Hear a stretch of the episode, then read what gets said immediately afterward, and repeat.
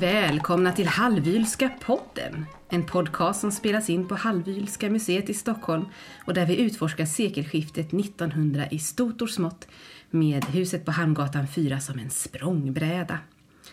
Podden leds av mig, jag heter Emelie Höglund och arbetar som intendent på museet. Wilhelminas far, Wilhelm Kempe, byggde upp en affärsverksamhet baserad på trä och järn från Hälsingland och grundlade den förmögenhet som sedan kom att möjliggöra Vilhelminas stora projekt. Under mitten av 1800-talet förändrades västvärlden i snabb takt, städerna växte och det var en intensiv fas i industrialismens historia. Sågverksindustrin och exploateringen av de norrländska skogarna spelade här en nyckelroll. Och för de som hade affärssinne och ett startkapital fanns då en unik möjlighet att nå framgång på ett sätt som varken förr eller senare varit så öppen. Vad var det som möjliggjorde denna förändring? Om det ska vi resonera idag. Och med mig i detta har jag intendent Asmara Nigusse. Hallå. Och pedagogen Kina Björkvall, båda från museet. Tackar. Välkomna.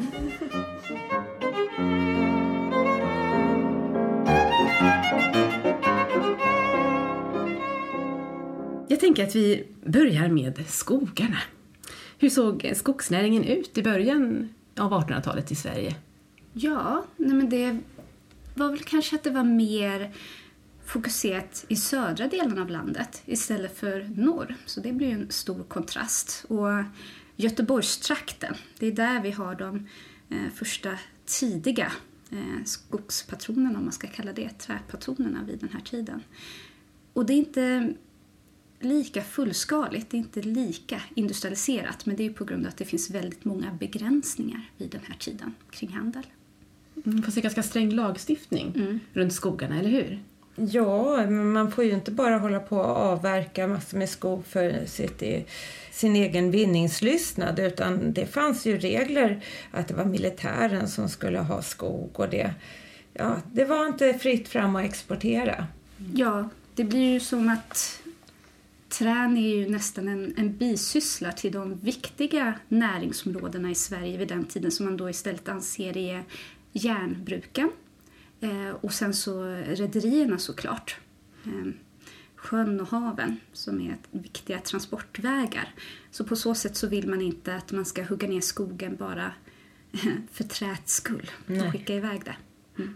mm. Men det här kom att ändras under mitten av 1800-talet. Vad var det som skedde? Ja, jag skulle vilja säga så här. Johan August Gripenstedt 35 år gammal så kom han in i regeringen som konsultativt statsråd.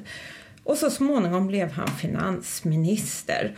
Och det speciella med Gripenstedt det var ju att han lyckades sälja in den nya tidens idéer om eh, frihandel framför allt. Och 1857 då höll han ett tal vid Sveriges riksdag som kom att kallas för blomstermålningarna.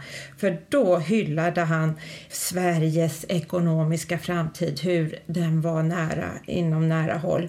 Gripenstedt var ju den som såg till egentligen att vi fick eh, järnvägsutbyggnaden 1857, näringsfriheten, skråväsendets avskaffande och eh, Eh, allt det här blev helt avgörande för hur Sverige skulle gå vidare. Det, det handlar helt enkelt om att i den här eh, perioden så hade vi tur att man la förutsättningarna för att Sverige skulle kunna bli en del av industrialiseringen eh, som hade börjat redan för hundra år sedan i England och där de andra europeiska länderna verkligen började ta fart.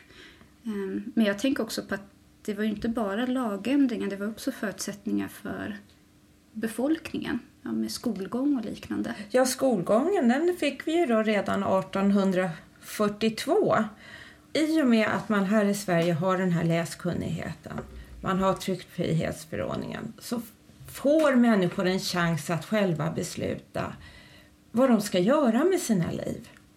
Om vi går tillbaka till Gripenstedt och hans idéer så är de ju också något som ligger väldigt mycket i tiden. Du Asmara nämnde eh, de europeiska marknaderna. Det är fler som inför frihandel eh, vid den här tiden, eller hur? Ja, nej men det stämmer. Det är inte bara eh, nya förordningar och lagar som sker av en slump. Utan det är ju att de som kan gynnas av det organiserar sig. Och i det första skedet så är det ju eh, de med kapital. Eh, liberalismen får ju eh, eh, en framfart i landet och att man då vill, in, att man, man vill helt enkelt inte regleras utan man anser att den egna individen utifrån dess förutsättningar och vilja kan skapa sin framtid. Och då måste man ha frihet att göra det. Inte ha någon som ser över en hela tiden och sakta ner en. Och det kommer ju lämna ett rätt stort märke på Sverige. Du ska säga att det är där som eh, den här avregleringen av hur skogarna eh, får skötas sker. Mm. Mm. Eh, den här frihandeln gör ju förstås också att det kan uppstå en helt annan efterfrågan än vad som tidigare funnits när länder har haft skyddstullar för att skydda de egna ekonomierna. England hade ju till exempel ganska länge höga tullar på alla utlandsvaror som hade med skog att göra, frånsett det som kom från de egna kolonierna. Eh, men det här kommer att ändras också under samma period. Och den engelska marknaden öppnas upp. Precis, det är det som ger Sverige öppningen att ta del av industrialiseringen. För det man behöver i Englands eh, ja, nya eh, högproducerande befolkning och nation så är det ju trä. Det är där de stora städerna och fabrikerna byggs upp och det går snabbare och det behövs mer än vad som finns inom eh, landets gränser. Och här faller man ju in på liberalismen. Det är ju också, frihandeln är ju en del av det här att det går inte att ha gränser. Man anser att vi måste vara globala eh, för att kunna växa men också för att kunna eh, möta alla efterfrågningar som finns. Så det som händer där är ju då att de här hårda importtullarna i England försvinner. Och det är viktigt för England kommer väldigt länge eh, stå för nästan 50 procent av Sveriges export när det kommer till trä. Så det är verkligen ledstjärnan. Mm, och många andra länder följde ju efter eh, Englands exempel. Men vad var det som gav den här hungern efter trävaror på marknaden? Ja, det är överhuvudtaget nya industrier. Ehm, det handlar också om en ökad befolkning. Så egentligen vill jag bara säga kort sagt mer. Allting blir mer. Ehm, sen så kan man ju alltid gå in i detaljerna men det här handlar ju om att det är en förändring av eh, Europa i grunden. Man lämnar jordbrukssamhällena i de här länderna som industrialiseras. Nya städer och bruk byggs upp i platser där det ibland kanske inte fanns någonting eller bara en väldigt liten bebyggelse. Då behövs otroligt mycket trä och råvaror för att kunna bistå dem. Mm, det rör sig ju inte enbart om nya byggnader förstås utan finsnickerier till fönster och mm. möbler och verktyg och allt möjligt som behöver tas fram för de här nya samhällena.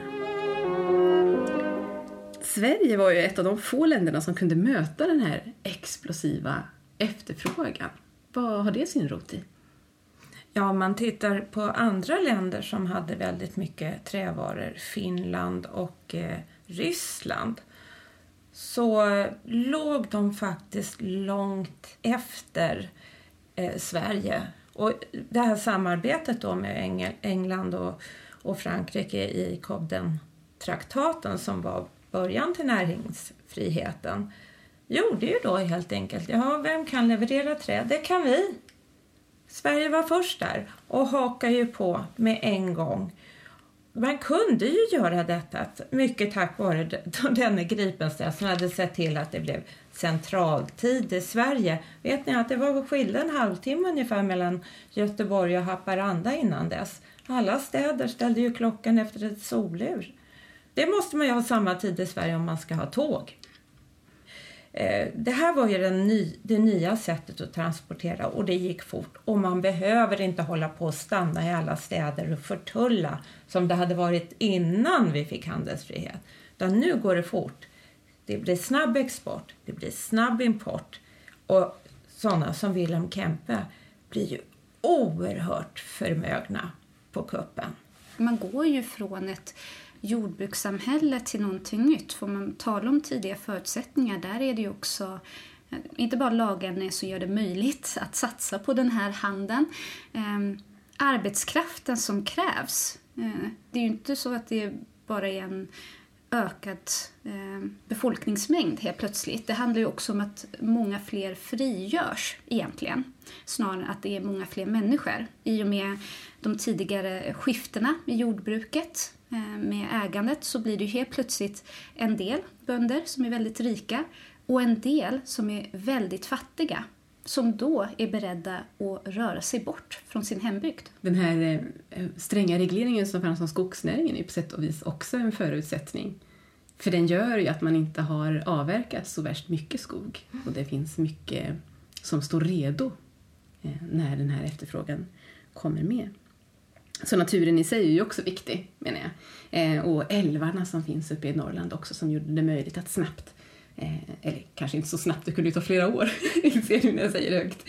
Men att man ändå kunde transportera timret vattenvägen ner mm. till stränderna för att sedan skeppa det vidare. Ja, det var ju en välsignelse till Sverige. Ett långsmalt land med massor med vattendrag och sjöar och så.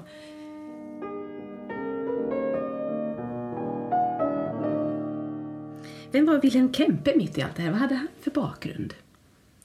Ja, han var från Stralsund. Han var svensk. Men inte särskilt länge. För sen blev ju Stralsund tysk. Det hade ju varit en svensk besittning. Och han kom ju från en gammal familj där nere i Stralsund som hade slytt, sysslat med handel i många generationer. Och eh, flera av dem drog sig då, när Stralsund inte längre var svenskt, drog sig till eh, Sverige. Och i Stockholm så fanns eh, bland annat den som skulle komma bli Wilhelm Kempes svärfar, Albrecht Wallis, han hade tant och socker, sockerbruk så då fick ju Wilhelm gå i lära där och han gick i lära hos eh, sin bror och, och började ganska snabbt att själv bygga upp affärsverksamheter. Och det kunde han ju göra för att han hade ju ett sånt kontaktnät med eh, släktingar som kunde eh, dels låna honom pengar men också förmedla kontakter. Och eh, det dröjde inte länge så hade han faktiskt eh, flera olika företag som han drev tillsammans med Wilhelm Rös. Ja, för hela familjen var ju inne i köpmannabranschen, eller Alla var med. Och det, vad skulle man göra? På den tiden var det inte så lätt att låna pengar i en bank. Va? Men man kunde låna av varandra. Man behöver ett startkapital eh, för att grunda sin affärsrörelse. Och bankväsendet utvecklas ju vid den här tiden också. Det började ju komma affärsbanker på 1830-talet. Den största av dem var ju A.O. Wallenbergs Stockholms enskilda bank. Och eh, en av de här sakerna då som återigen Johan August Gripenstedt eh, lyckades driva igenom det var det här med fri ränta. Att det inte var en bestämd, beständig ränta det är ju också någonting som är nödvändigt när man har en fri handel, att man även har en fri ränta. Många som gav sig in i skogsnäringen lånade upp stora belopp i de här affärsbankerna. Men det var också möjligt att helt undvika mm. bankväsendet och ändå bygga upp ett startkapital.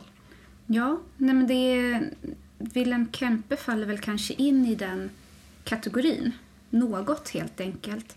Um, han hade säkert uh, kontakter och lån via affärsbanker men det man märker främst när man går igenom arkiven det är för första de här familjekontakterna och de här affärsvännerna som kallas. Det handlar främst egentligen om pålitlighet och ditt rykte. Så du kan undvika att behöva gå igenom banker och så eh, om du har rykte av dig att vara en god affärsman. Du betalar dina skulder eh, så fort det går och i ordning. Eh, och du har ordning på dina lån. Och du ser till att göra bra affärer. Det är det Willem Kempe gör. Han knyter sig främst an till olika företagare och skapar bolag med dem. Eh, grosshandlarhus, eh, helt enkelt. Och på så sätt bygga upp sitt kapital. Det tycker jag är lite roligt är nästan att man ser han han följer i, i familjens spår egentligen från början. För när de är i Pommern så är det ju väldigt mycket rederi, skeppare och så. De gör sig eh, rika på affärer. Och då är det ju så att när Sverige förlorar det territoriet, då är det många som flyttar till Sverige för att förbli svenskar. Men det är inte bara av identitet. Det handlar ju också om att Sverige skyddar sina skepp. För många av dem handlar ju internationellt och skeppen går via Nordafrikas kust där det finns sjörövare.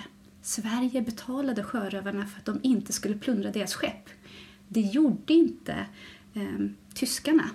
Så om du hade stannat eh, i landet och det ändrade nation, då förlorade du det skyddet. Hela handeln hade ju gått förlorad för dem. Så därför tog man sig till Sverige.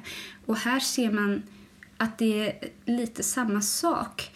Ehm, Willem Wilhelm Kempe knyter sig an till rätt människor för att skydda sina investeringar när han bygger sitt kapital.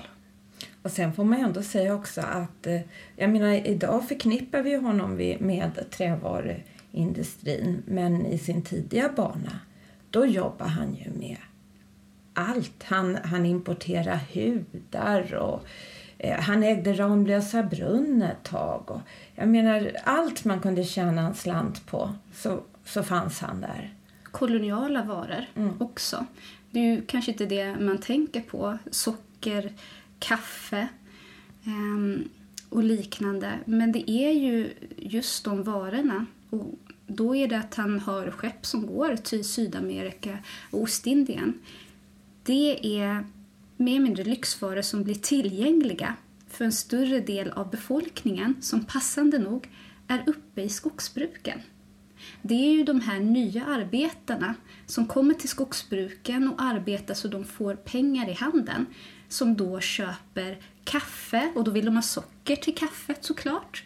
Och så vill de ju också gärna ha fläsk som kommer från Amerika. Så det är lyxvaror som köps av arbetare och det bygger upp hans förmögenhet så han sen kan skapa sådana här bruk själv i de trakterna. Mm, man behöver energirik kost för att uh, orka med att fälla en sådär 40 träd om dagen. Mm.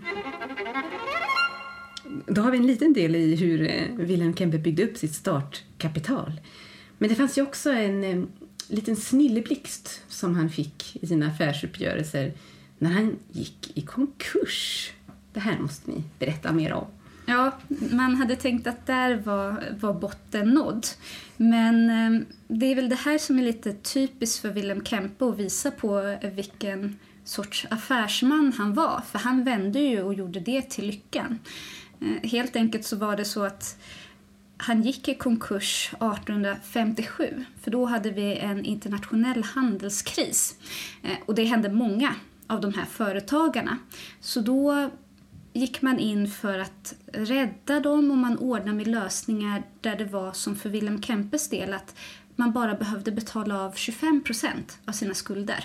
Så på så sätt skulle inte hela marknaden, industrin, gå under.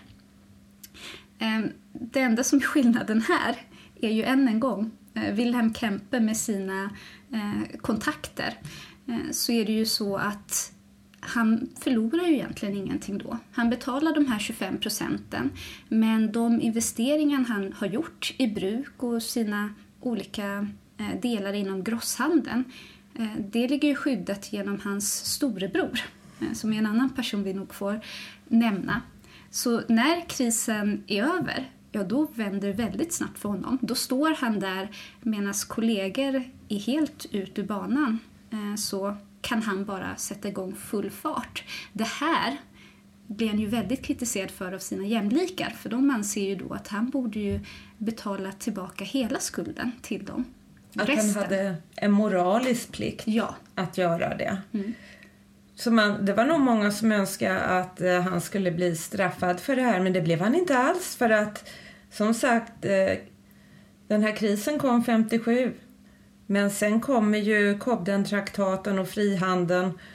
Så 1864 när vi får frihandel, då står Wilhelm Kempe redo. Det var ju då han blev Sveriges rikaste man. Mm. Det här är ju också någonting som kan kännas lite udda. Att han var ju verkligen stundvis Sveriges rikaste man. Men han är ju inte så känd idag.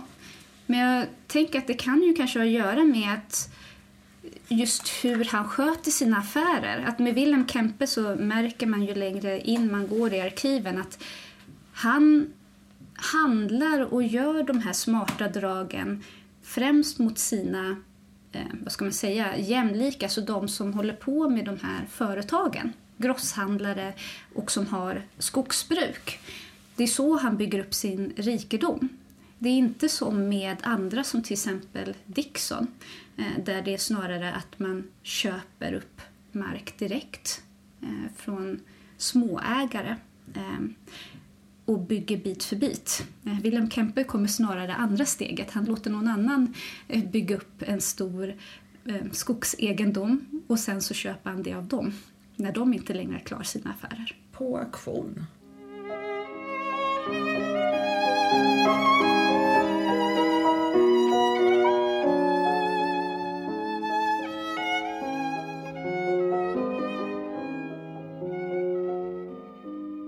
I det här sammanhanget så blir man ju frestad att gå in på detta med baggböleri som jag är säker på att många av lyssnarna har hört. Vad eh, är baggböleri? Ja, vad är det för något?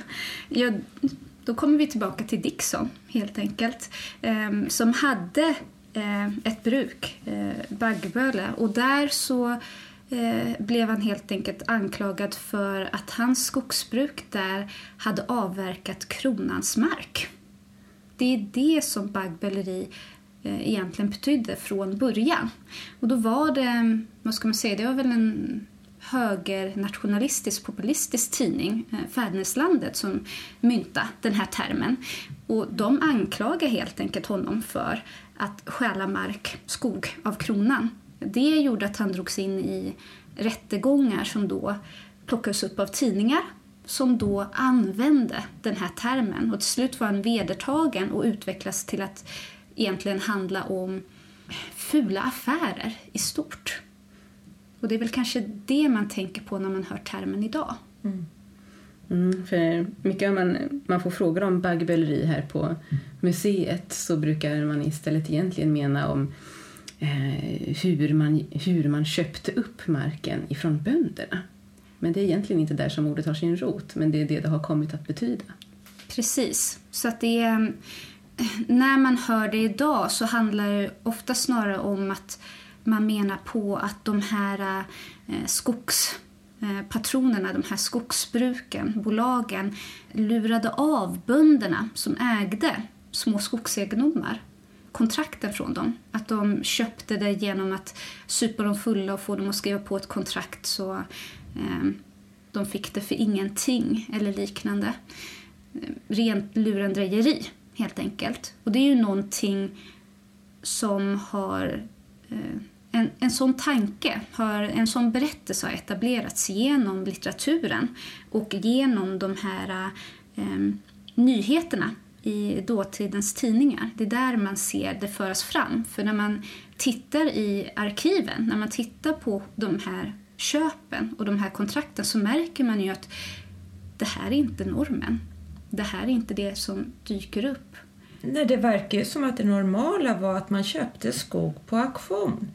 Det hände säkert en hel del oegentligheter och det har gett stor spridning, inte minst i litteraturen och i såna här tidningar som Fäderneslandet. Och så måste man ju komma ihåg, vem är det som tittar på det här? Vilket förhållande har de till den här händelsen? Eh, för idag så finns det ju många i landet som kan ha eh, förfäder som då vart de här bönderna och känna som att nej, eh, min farfars far blev lurad helt enkelt för att det kom ju ingen rikedom till den här enskilda familjen från eh, de här skogsegendomarna. Men tittar man i samtidens tidningar, eh, inte Fäderneslandet då, utan de mer eh, liberala, och speciellt tittar man på riksdagen, vem pekar de ut som boven? Jo, det är bönderna. Eh, och inte egentligen de här bönderna som har haft den här marken i evigheter. Man måste också inse att marken inte legat som deras egendom särskilt länge. Den fick de bara något eh, tiotal år innan skogsindustrin tog fart. Det var avvittringsprocessen. Att kronan ville tydligt markera upp vilken mark som tillhörde den, som tillhörde staten och vilken som tillhörde och skulle skötas av bönder. Och i norr så blev det här rätt så tydligt och extremt. Väldigt mycket mark avyttrades till bönder, men egentligen så är det till nybyggare. Det är alltså människor som inte varit etablerade i de här trakterna utan de erbjuds mark som de får av kronan om de kommer och etablerar jordbruk där uppe och tar ansvar för skogen. Och då är det ju väldigt lätt för människor att se ett sätt att få snabba pengar här. För om du ställer upp, flyttar upp till norr, tar den här marken av staten, men sen finns det inga regleringar som skyddar vad du gör med den, ja då kan du sälja den snabbt till skogsbruken som betalar vad du tycker är en fin slant för dig personligen och så har du kapital för att kanske starta en familj eller ta dig till en större stad och arbeta i fabriker där. Eller rent utav emigrera till Amerika. Mm, det kan vara vägen till lyckan. Helt mm. enkelt. Mm. Men initialt så köpte ju skogsbruken inte egentligen upp marker, eller hur? Precis. Utan avverkningsrätter. Att äga mark kan ju vara lite problematiskt. Då måste man betala skatt. Ja. Och man får ett annat ansvar för det också. Ja.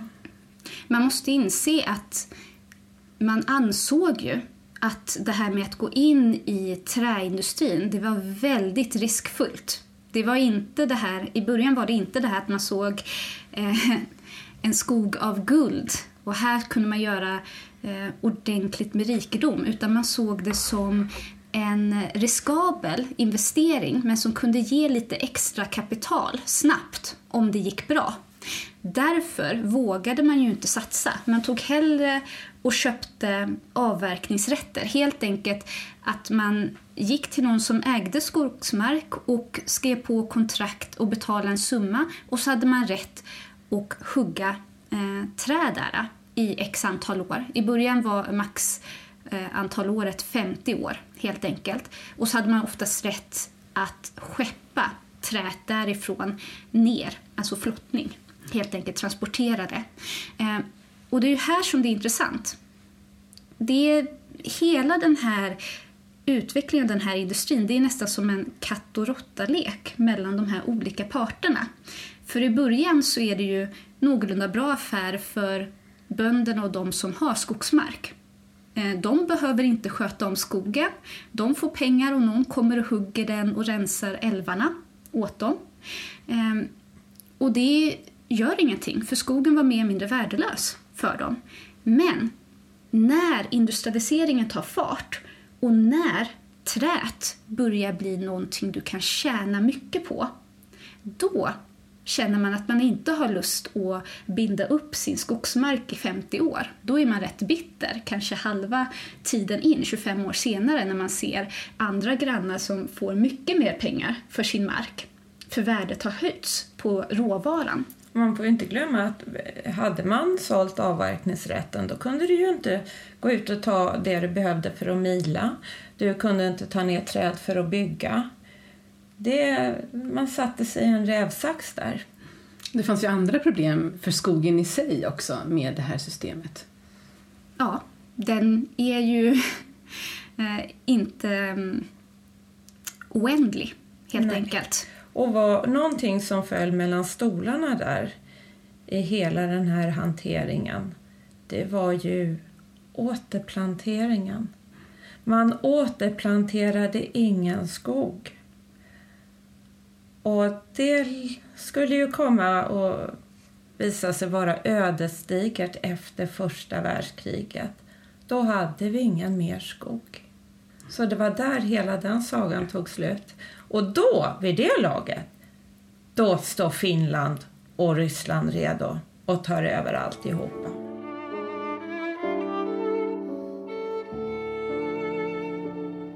Och jag tänker igen på det här med lagarna och begränsningar. Man kan tänka, men är det ingen som vill skydda skogen? Det finns ju väldigt många. Eh, och man talar ju redan då om klimatpåverkan.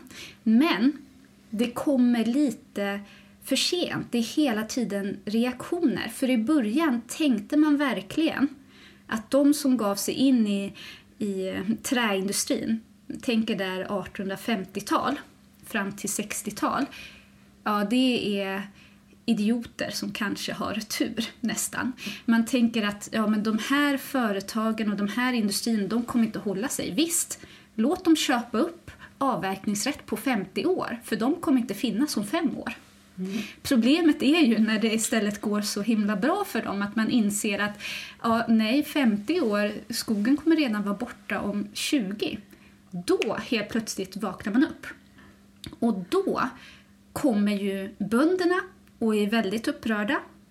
Eh, och då måste ju riksdagen komma in. Det är då man kommer med de här lagarna som begränsar avverkningsrätten, så det går väldigt snabbt. Från 50 år så går man efter några decennium in på att max 20 år och sen ett litet tag till senare så begränsar man det till max 5 år. Och det här är samtidigt som träindustrin exploderar. Så det är ju den värsta mardrömmen för eh, skogspatronerna. Det är då de går över till att köpa skogsmark istället för att kunna skydda sin rätt att hugga ner den. Så där vid fem års, då befinner vi oss vid 1905, så ganska långt fram i historien då. Det är då det mera, mm. på 1880-talet och framåt, tar fart med just hemmans uppköpen. Men det här var ju en ganska stor diskussion i riksdagen. Den hade till och med ett eget namn, Norrlandsfrågan. Precis. Fördjupa sig i det. Ja, och den, alltså det tar ju så många olika inriktningar. Eh, det jag tycker är intressant där är ju också att det går fram och tillbaka. För med riksdagen ja, så kan man säga att vi ska skydda urskogen och ställer sig på eh, ska man säga, eh, böndernas sida i den frågan och begränsar rätten av att hugga ner skog. Men samtidigt, på andra sidan, så ställer de sig med skogsbruken när det gäller flottning och vem som äger strandrättigheter. Ehm, och säger att ja, nej, men det kan du inte göra utan det, där får man gå ihop i föreningar så länge alla sköter underhållet så får alla använda de här flodvägarna. Ehm, att det skulle vara en väldigt känslig fråga och kopplar Eh, till ska vi säga, natur och klimatfrågan, det har ju att göra med att i de här trakterna så är det ju inte bara skog, du har också väldigt mycket laxfiske. Och fisket är ju en viktig bisyssla, säsongssyssla för bönderna som blir omöjlig eh, om skogspatronerna ska kunna fortsätta få ner trät eh, till sina sågverk i den takt som behövs för att möta efterfrågan ute i Europa. Och det här hade ju William Kempe problem med, just laxfisket. Ja, det är något eh, roande där så märker man ju på problematiken. Eh, för då tar ju eh, industrin i Ljusne fart ordentligt och så skriver han beklagandes till sin bror eh, Johan Karl Kempe eh, just för att det är laxfisket som satt stopp för hans affärer Eh, under nästan tre månader. Det är helt enkelt så att laxfisket står under kronan så ingen kan äga det helt och hållet. Man ska kunna få fiska vissa perioder.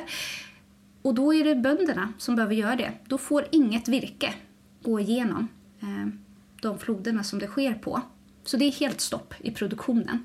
Eh, och han skriver beklagelse till sin bror att det är de här bönderna de förstår sig inte på ekonomi, de här fiskarna. För han erbjöd dem 2000 kronor med vardera om de skulle hoppa över fisket den här sommaren och låta honom fortsätta och skicka ner trät.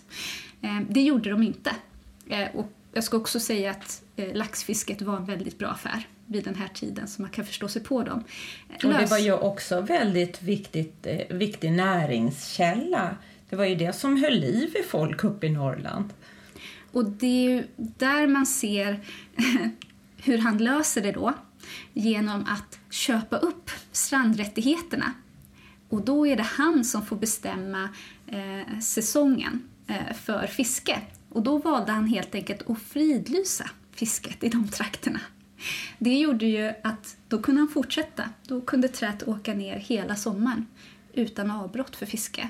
Eh, det här stoppas ju sen eh, när riksdagen säger att man inte kan äga strandrättigheterna.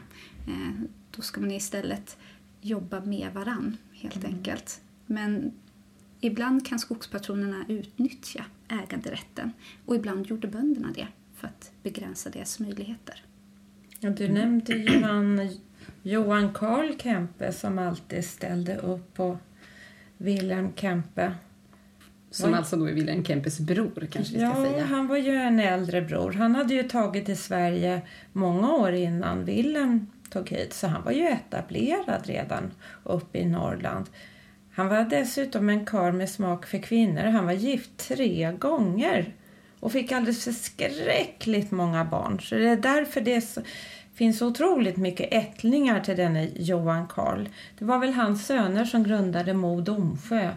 Eh, jag menar, om man tittar hela Norrlandskusten ovanför eh, Hälsingland, eller från Sundsvall och uppåt, så är det ju hur mycket kämpar som helst som har satt sina spår. Så det, det går inte nog att understryka till hur mycket han betydde för Wilhelm Kempe. Nu har vi pratat väldigt länge om skogsnäringen men vi har egentligen inte sagt så mycket om just Ljusne Vuxna som är vårt alibi till att ge oss in i den här eh, frågan egentligen. Och det var, det var alltså Ljusne Vuxna som då var Wilhelms eh, skogsföretag, eller hans sågverk där uppe i Hälsingland. Ehm, men det hade ju bedrivits verksamhet i Ljusne långt innan han kom till trakten. Vad var det som fanns på plats när han etablerade sig? Ja, men det var ju, det var ju floden, Eh, Ljusnan. Eh, en bit inåt landet så hade man ju Voxna där det var järnbruk. Eh, sen hade man all skog som fanns där omkring floden och att då när tiden kommer för sågverken så är detta det är ju perfekt. Det är hans och eh, röst då går in i Ljusne Voxna aktiebolag. Det är det som är typiskt mm. för Wilhelm Kempe. Han ser till att han inte behöver börja från noll mm. med sina investeringar. Utan han köper ju upp de här olika gamla bruken eh, som kan ha funnits sedan 1600-1700-tal. Eh, och på så sätt har de ju väldigt mycket skogsmark anknuten samtidigt som de kanske har någon masugn eh, etablerad. Och det gör att han ändå har en någorlunda stadig grund att bygga på. Det viktiga ju där är att se att det går ju inte att göra ensam. Man får ju också tänka på att det är ju just att han har det här kontaktnätet som gör det möjligt. Så han köper ju upp vuxna först med fyra andra eh, affärskompanjoner helt enkelt. De får köpa det av eh, änkan för bruket där. Eh, runt 1848 tror jag, om jag minns rätt. Det här ser ni i startskottet. Han, han behöver inte betala allting själv från början utan han går in med partners och sen bygger han upp sitt kapital genom det och sakta men säkert köper upp de andra parterna och sen står han själv där med det här bruket. Och då, under de här startåren, så har ju alla kompanjoner investerat. Man har ju byggt upp arbetarbostäder, kyrkor, skolor, sjukvård. Så man har byggt upp infrastrukturen som krävs för att skapa den här eh, industrin av moderna sågverk sen, helt enkelt. Eh, så då går det. Vuxna, sen så är det eh, järnbruk med Dalfors och så Furudal. Och Furudal, där är ju till och med att han, det är ju etablerat i, i Dalarna. Då tar han ju till slut hela verksamheten och arbetarna där och flyttar dem till Ljusne. När han har pusslat ihop alla de här olika delarna, det är då han köper upp alla olika parter, alla olika små sågverk eller masugnar och så som finns där runt omkring i Ljusnetrakten för honom närmast. Och gör det till ett enda stort företag. Ljusne Voxna Aktiebolag. Ja, och sen köper han ju också upp eh, flera småbruk, Sunnes bruk och andra bruk som ligger runt om eh, Ljusne och så lägger han ner dem. för att kunna koncentrera sig på kärnverksamheten. Man vill ju inte ha några konkurrenter allt för nära. Va? För man får ju inte glömma att inte särskilt långt ifrån Ljusne så ligger ju Axmar bruk. Va? Så då vill han liksom ha som en, vad ska man säga, en buffert emellan. Så att Ljusne var för sig. Det var hans rike, så att säga. Det blir ju ganska stora markarealer som han köper upp. Mm. Jag läste 300 000 hektar totalt Mm. under storhetstiden. Ja, man sa väl lite grovt att han ägde halva Hälsingland när det kom till skogsmark helt enkelt. Mm. Det brukar väl vara en gammal beskrivning av det hela. Eh, Ja, och det, det var ju ett ganska snabbväxande företag också när det hade sin fulla kapacitet. Så var det mellan 1000 och 1 500 personer som arbetade inom eh, det här. Eh, men vilka var det som var framgångsfaktorerna? Ja, väldigt mycket den nya tekniken som kom. Att man kunde modernisera. Eh, och eh, Wilhelm Kempe drog sig ju inte för att investera. Och det skulle jag vilja säga att det var därför det gick så himla bra. Han satt inte och väntade och funderade på är det värt att göra det här. Han var snabb, han var listig, han hade det man brukar kalla för helikopterseende som du verkligen har varit inne på, Asmara. Eh, han var helt enkelt en född affärsman. För att det är väl det man märker med de här eh, olika aktörerna som ger sig in på sågverksindustrin. Eh, överhuvudtaget så följer du en liten så här berg och dalbana. Det här riskfyllda eh, småskaligheten som finns där eh, 1850-tal upp mot när det börjar bli en stabil och en spännande och en marknad som ger rikedom på 1860-tal. Och där så är det ju att där lägger han sin grund med ordentligt kapital. Så att när vi väl kommer in med frihandel och så och kommer närma oss mot 1870-talet så, då kan han ju satsa stort på det här. Han bygger snabbt. Och Sen kommer det lite svackor med kriser vid den tiden men då istället för att utvidga sig så ser han ju då till att fokusera inåt på Ljusne och utveckla de olika delarna så att man blir mer självständig. Så där är det ju inte bara sågverk. Det är flotteriet, det är en mekanisk verkstad och järnbruk också då. Så det gör att då är han inte beroende av andra parter som kanske inte överlever krisen. Han kan se till sig själv och det gör ju att då kan han bara fortsätta och eh, anställa arbetare. Eh, och sen när han kommer ur, eller när Sverige kommer ur ännu en sån här liten krisperiod, ja då står han ensam där utan konkurrenter. Så att det är ju eh, stundvis så står företaget för en tredjedel av eh, exporten från det området helt enkelt. Och det finns ju nästan som en, eh, ett litet kretslopp i upplägget där sågverket förser järnbruket med billigt trä, träkol och järnbruket förser den mekaniska verkstaden med järn som de kan sen i sin tur då eh, använda för att underhålla sågverket och tillverka redskap och maskiner. Så där finns liksom en, en helhet i, i sig. Precis. Och sen är det ju också affärssidan, får man ju inte glömma. Speciellt med tanke på den nya tekniken. Det är ju inte så att de kan sitta där uppe vid bruken som man gjorde tidigare och sköta affärerna. Enda sättet man blir rik på den här industrin, den här näringen, det är ju den internationella marknaden. Så därför ser man till att affären sköts genom stora handelshus i Stockholm. Så för det mesta är ju Wilhelm Kempe i Stockholm och så har han eh, personer han litar på som styr den dagliga verksamheten uppe i bruken. Och där hänger det alltså på kontakter. Så det gäller att du inte bara har råvaror. Du måste också ha kontakter och du måste också ha förtroende inom den internationella marknaden. Det är ju inte någonting Wilhelm Kempe har själv från början utan därför är det ju att han gillar att gå ihop med affärskompanjoner när han satsar på den här verksamheten. För Rös eh, från Göteborgstrakten, han har stort förtroende, speciellt i England.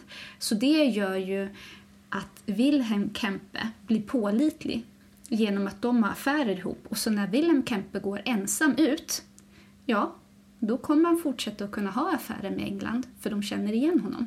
Han har blivit ett namn.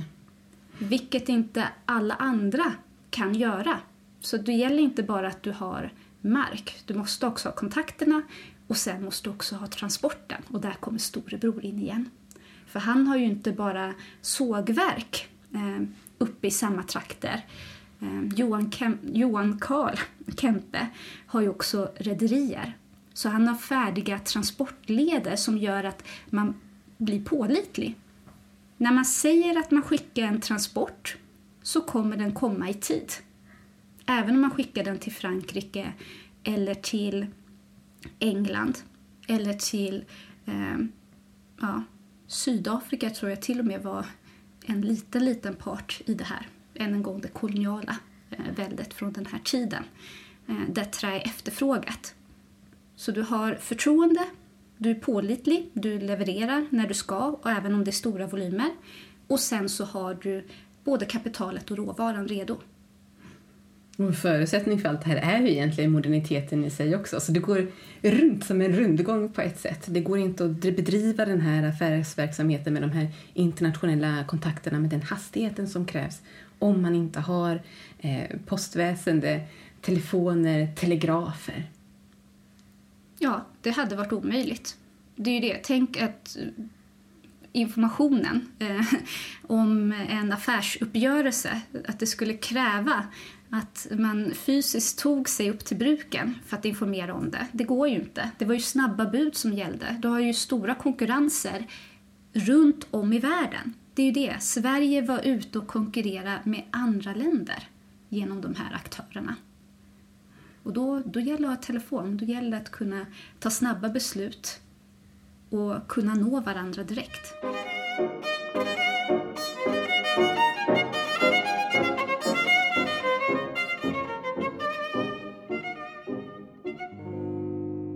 Hur såg man på Wilhelm Kempe som företagsledare och brukspatron? Jag tror han var väldigt eh, respekterad faktiskt, även om vissa då aldrig kunde glömma det här som hände med konkursen. Men man kunde ju se att han var en överlevare. Han hade stora framgångar.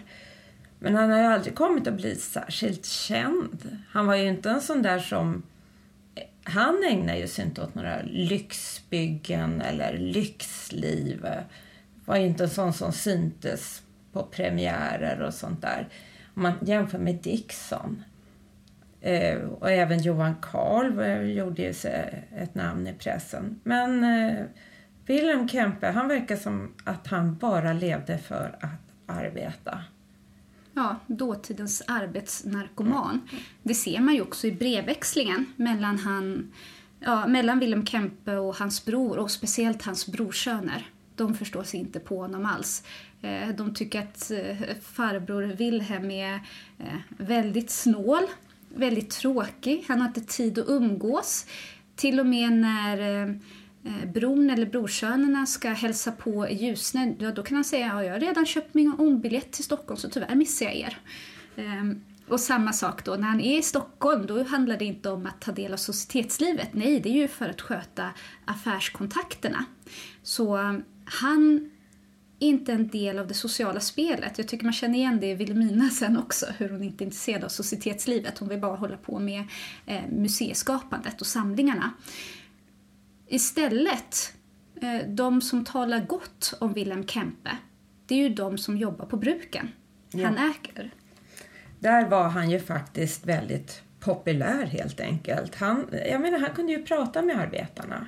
De kunde ju säga till honom att nu, nu fungerar det inte här, nu är det fel här i arbetarbestäderna eller det är problem med produktionen här. Han kunde gå ut på bruket och prata med arbetarna. Och det här handlar ju också egentligen om att Wilhelm Kempe, ja det verkar som att han är samma person mot alla.